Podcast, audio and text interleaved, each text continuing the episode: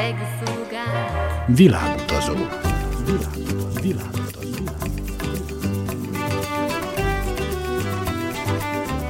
Barangoljon varázslatos tájokon az Újvidéki Rádióval.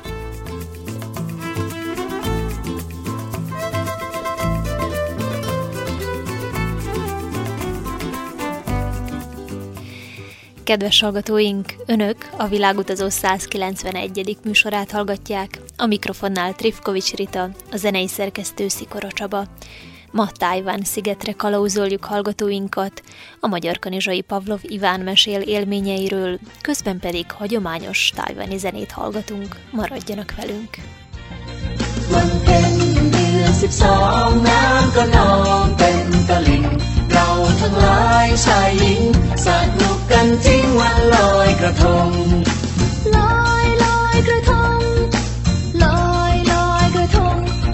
ระทงกันแล้ว ขอเชิญน้องแก้วออกมารำวงรำวงวันลอยกระทงรำวงวันลอยกระทง บุญจะส่งให้เราสุขใจ บุญจะส่งให้เราสุขใจวันเพ็ญเดือนสิบสองน้ำก็นองเป็นตะลิ่งเราทั้งหลายชายหญิงสนุกกันจริงวันลอยกระทง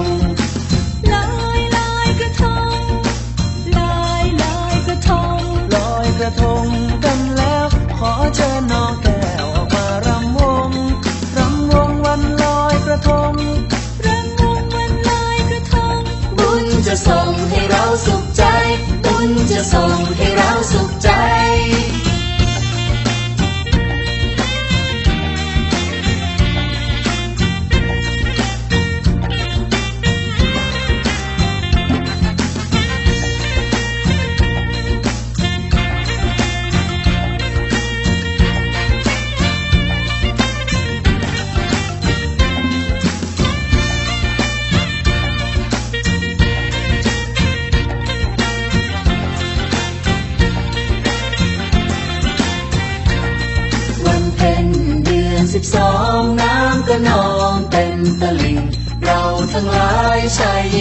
สนุกกันจริงวันลอยกระทง ลอยลอยกระทง ลอยลอยกระทง ลอยกระทงกันแล้ว ขอเชิญน้องแก้วออกมารำวง รำวงวันลอยกระทง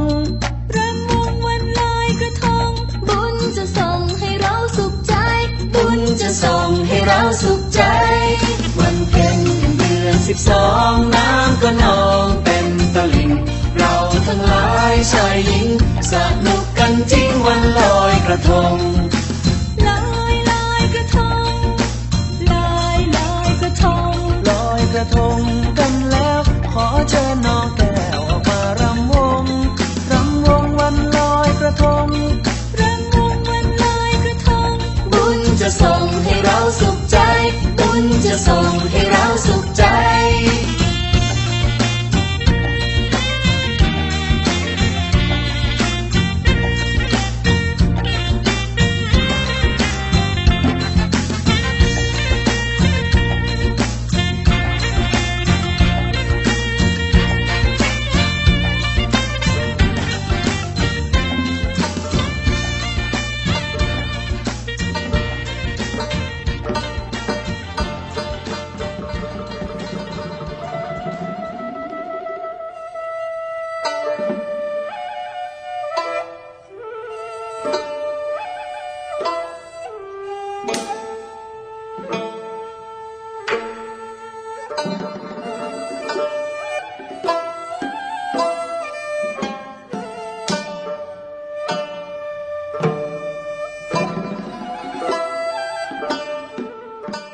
Tájván egy csendes óceáni sziget délkeletre Kína partjaitól.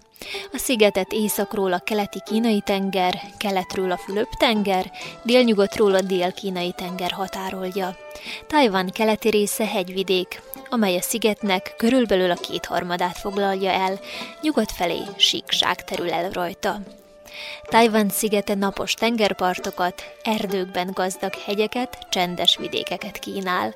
A kínai és japán örökségből származó templomok és műemlékek keverednek a felhőkarcolókkal a városokban, amelyekben hajnalig pezseg az élet. Tajvan politikai helyzete nem teljesen tisztázott. A kínai népköztársaság a területéhez tartozónak tekinti, és nem ismeri el létező államként a kínai köztársaságot, ami Tajvanon kívül még három kisebb szigetből áll. A magyar kanizsai Pavlov Iván indonéziai látogatása után utazott Tajvánra. Mindkét alkalommal nemzetközi siklóernyős célra szálló versenyen vett részt. Idén ugye még volt, hogy hol lesznek a versenyek, és ami Indonéziában volt, azt nem tudom, hogy jövőre is, hogy ugyanott tartanak-e, valószínűleg ők valami szigeteken szokták építeni, mint Bali, vagy Lombok, vagy hát néha tesznek ugye a szárazföldön, ami kicsit ugye nem annyira könnyű leszállni, de nekünk az majdnem, hogy nekünk könnyebb, mivel nálunk ugye hasonlóan nehéz célra szállni, kicsit nehezebb, mint a strandon, de strandon is fel tudjuk találni magunkat. Milyen jól teljesítettél Indonéziában? A három alkalomból összesen két verseny volt, egyik épp világbajnokság volt 2015-ben, ott a 130 versenyző közül 19 voltam, amikor még Lombokon voltam, ott azt hiszem 21 voltam a 120-ból, ott annyira nem sikerült jól teljesíteni, de ugye ott kijött az, hogy homokon tényleg nagyon, nagyon jó eredményekre van szükség. 0-1-2 centi, 2 centin felül homokon az már nagyon sok. És aki azt gyakorolja, én akkor még ne, nem voltam, lehet, hogy akkor voltam először, vagy másodszor a életemben, hogy homokon volt, vagy strandra volt leszállás, és az a lényeg, hogy nem nehéz leszállni, nehéz az az utolsó egy másodperc, hogy hova tesszük a lábunkat, hogy milyen eredményt fogunk csinálni, de most már nem lenne gond strandon, vagy bárhol, nincs nagy különbség. Gondolom mindenben most már van tapasztalatom, mivel ugye az ember mikor elkezd siklárnyezni, nagyon sok helyen van, és sok hely más körülmények leszálláshoz is amennyire több helyen voltunk, annál könnyebb lesz, hogy olyan terepén már van tapasztalatunk, mert aki nem szokta, az tényleg nagyon furcsa tud lenni. Hogy mennyire könnyű eljönni a célig, és akkor az az utolsó egy-két másodperc mennyire fontos, és aki azt gyakorolja állandóan, neki sokkal könnyebb strandon leszállni, de és ami érdekes, hogy általában aki strandon edzi, strandon van a verseny, valahogy általában az olyanok is nyerik meg azt a versenyt, akik ott sokkal többet edz valahogy. Persze tudnak az európaiak, ami az ázsiai országoknak karakterisztika, hogy ott tényleg nagyon jók a, jók a pilóták. Sokan vannak, ugye nem tudom, Indonéziában is pár ezer pilóta van hozzánk képest, ahol van 400-500 pilóta, úgyhogy nem is nehéz nekik kiválasztani a jókat. Ugye az állam sokat segít nekik, úgyhogy könnyebb, de meg voltam elégedve az én eredményeimmel akkor, amikor voltam. Mikor voltál Tajvanon? Tajvanon 2016-ban voltam. Hogy utaztál el? Tajvanra először Indonéziába mentünk verseny, és akkor Indonéziába repültünk át Tajvanra, és akkor Tajvanról haza. Mennyi időt voltál Tajvanon? Öt napot. Ott nem volt verseny? Ott is verseny Ott is verseny. világkupa. Mennyire volt más, mint az indonéziai versenyek? Más volt, mert ugye Indonéziában a strandra szálltunk le, itt még valami erdős részen voltunk, ami teljesen más volt, úgyhogy nehéz volt megszokni, és valahogy mm, nagyon furcsa volt, nem tudom, akkor nekem nagyon furcsa volt az a terep, ahol volt a verseny.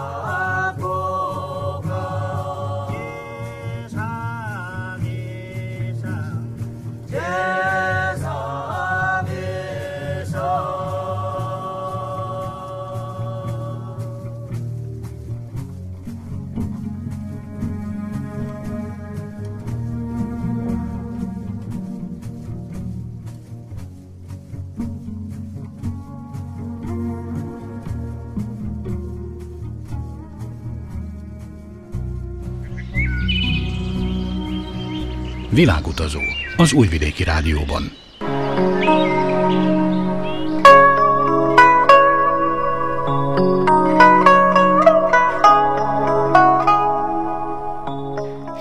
Tajvan szubtrópusi éghajlatú ország, a nyarak hosszúak és párásak, a telek rövidek és enyhék.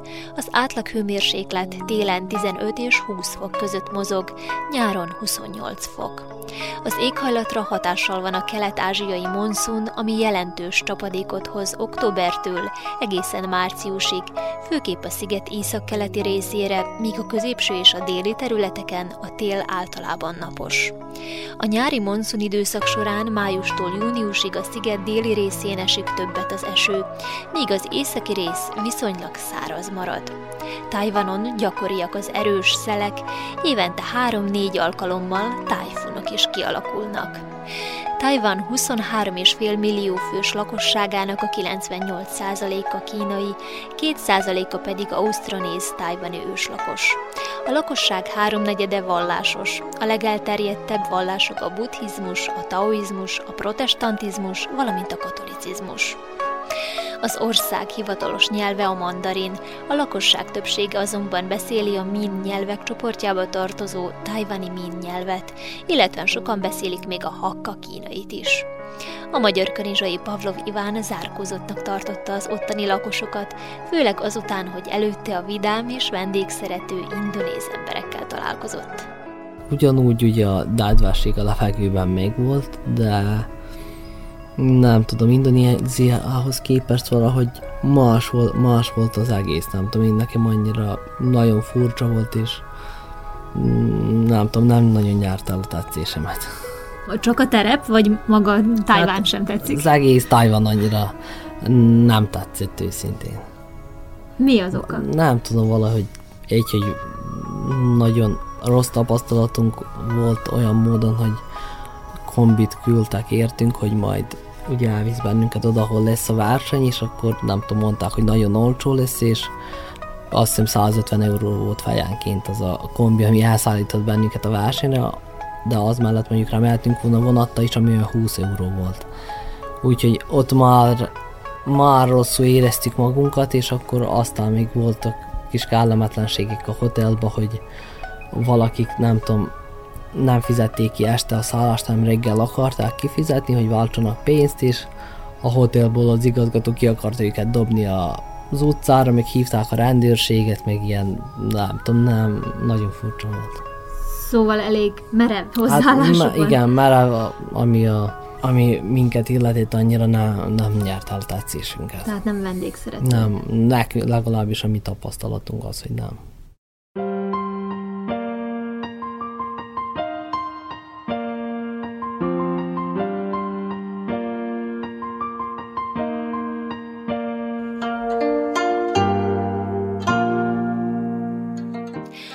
Tajvani konyhaművészet legendás, egyrészt megszámlálhatatlan világviszonylatban is kiemelkedőnek számító étterem található Tajvanon, másrészt a helyi street food, azaz az utcai étel felhozatal mind mennyiségében, mind változatosságában igencsak sokszínű a büdös tofutól kezdve a grillezett csirkebelsőségeken át, a különböző, általában húsos töltelékekkel megtöltött, gőzölt, úgynevezett tésztabatyukig, ezerféle étel közül lehet csemegézni, és ezek még a konzervatívabb fogások közé tartoznak.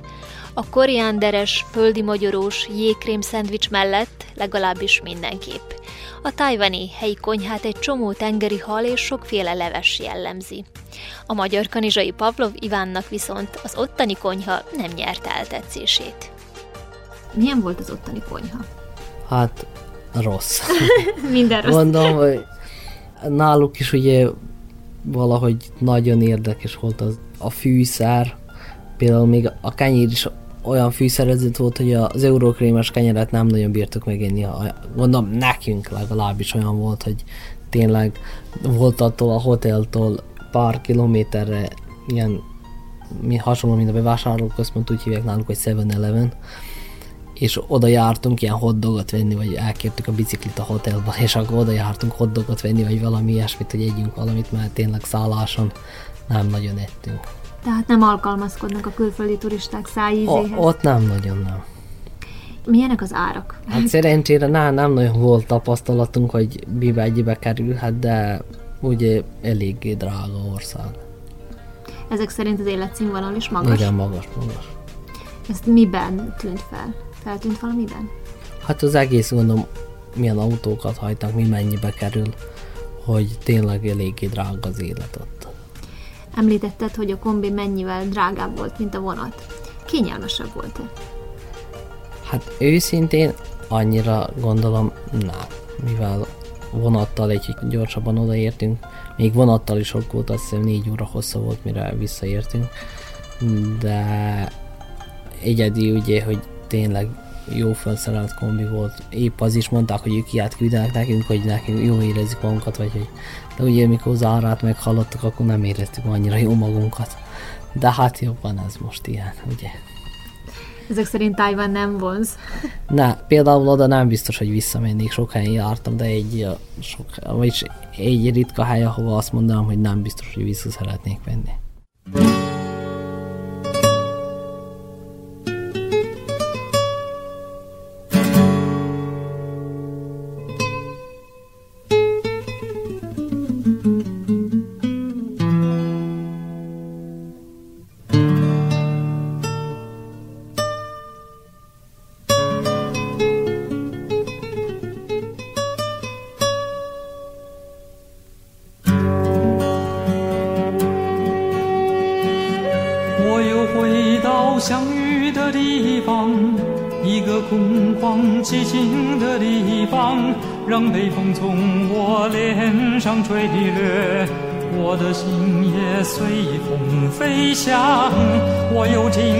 熟悉的音响，一种温柔原始的奔放，噼啪啪旋声在山谷回响，我的心也随之荡漾。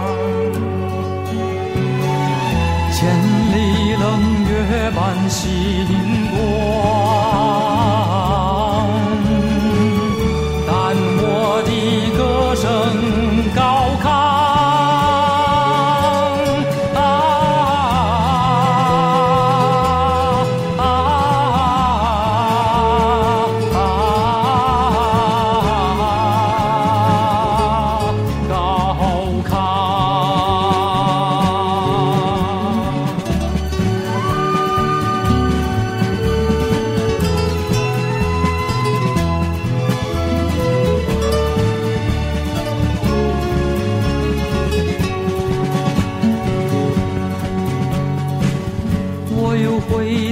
相遇的地方，一个空旷寂静的地方，让微风从我脸上吹掠，我的心也随风飞翔。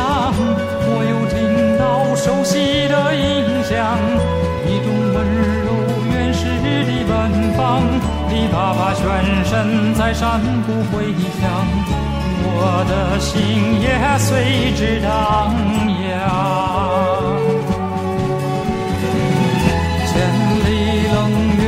月半星光，但我的歌声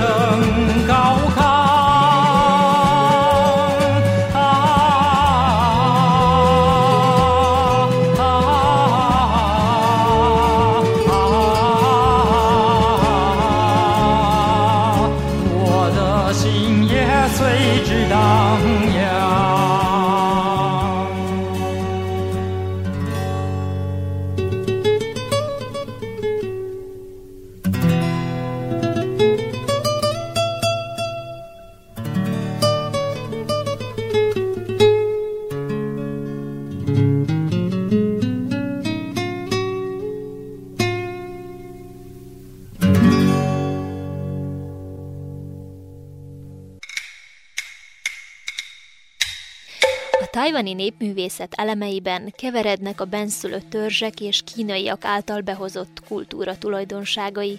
Népszerűek a papírkivágások, a papír esernyőkészítés, a papírlámpás készítés, a falenyomatok készítése és a hímzés.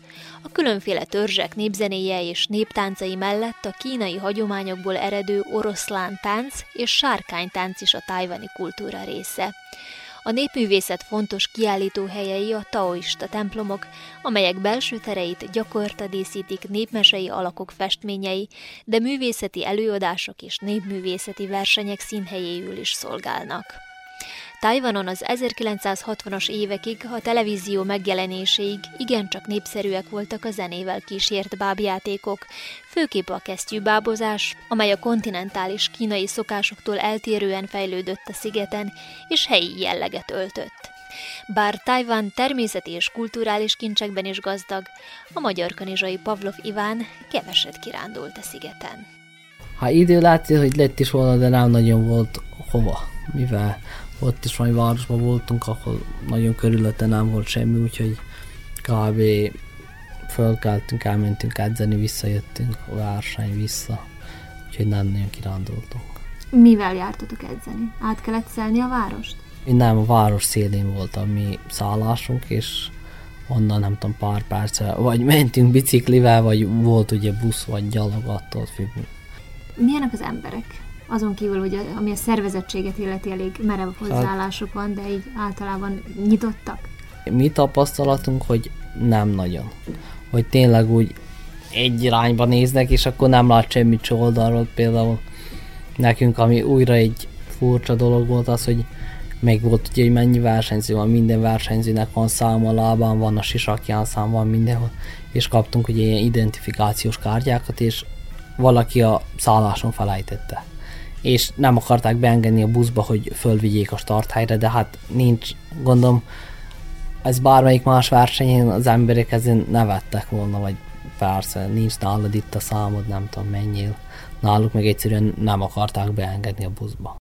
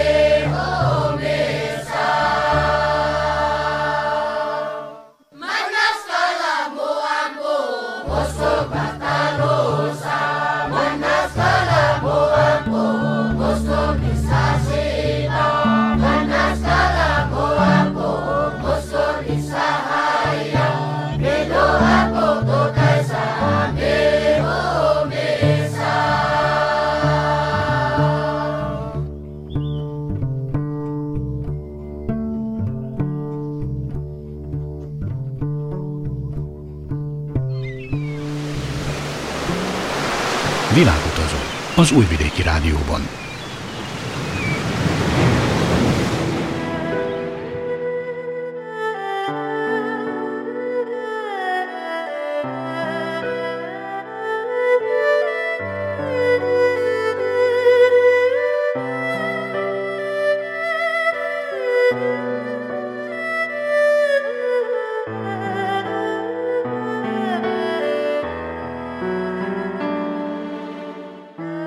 Tajvannak sokféle neve van ma használatban, amelyek felfedezőktől és a különböző uraitól származik. A régi neve gyönyörű szigetet jelent portugál nyelven. Ezt a portugál gyarmatosítók adták a szigetnek, amikor a 16. században elhajóztak mellette. Taipei a kínai köztársaság fővárosa Tajvanon. A kínai köztársaság politikai, kereskedelmi, tömegkommunikációs, oktatási és popkulturális központja. Taipei-t a 18. század elején alapították, a 19. századra fontos kereskedelmi csomópont lett. 1886-ban a kínai Qing dinasztia Tajvan tartomány székhelyévé tette. Amikor a japánok 1895-ben a birodalomhoz csatolták Tajvan szigetét, Taipei megtartotta székhelyi státusát. 1949-ben a kínai köztársaság ideiglenes fővárosává tette Taipei-t. Ivánt nem ragadtatta el a nagyváros hangulata. mondjuk ami furcsaság volt, hogy sétálunk az utcán, és nem tudom, ott előttünk utca közepén vágják le a csirkét meg. Úgyhogy ahhoz képest ugye náluk, nem tudom, érdekes volt, de... És ott rögtön el is adják, vagy sütik, vagy... Ja, vagy sütik, vagy eladják, igen. Kóstoltad? Nem.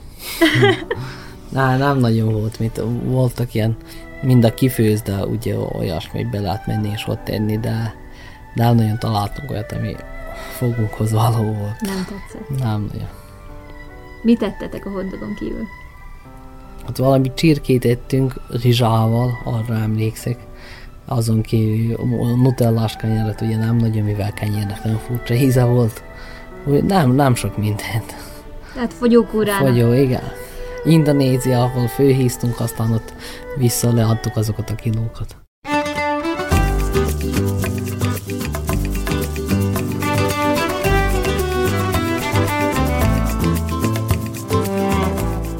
Kedves hallgatóink, ez volt a Világutazó 191. műsora. Tartsanak velünk a jövő vasárnap is. Műsorainkat a www.rtv.rs.hu honlapon a hangtárban is meghallgathatják. Szikora Csaba zenei szerkesztő nevében Trifkovics Rida kíván önöknek sok szép utat és kellemes rádiózást. thank you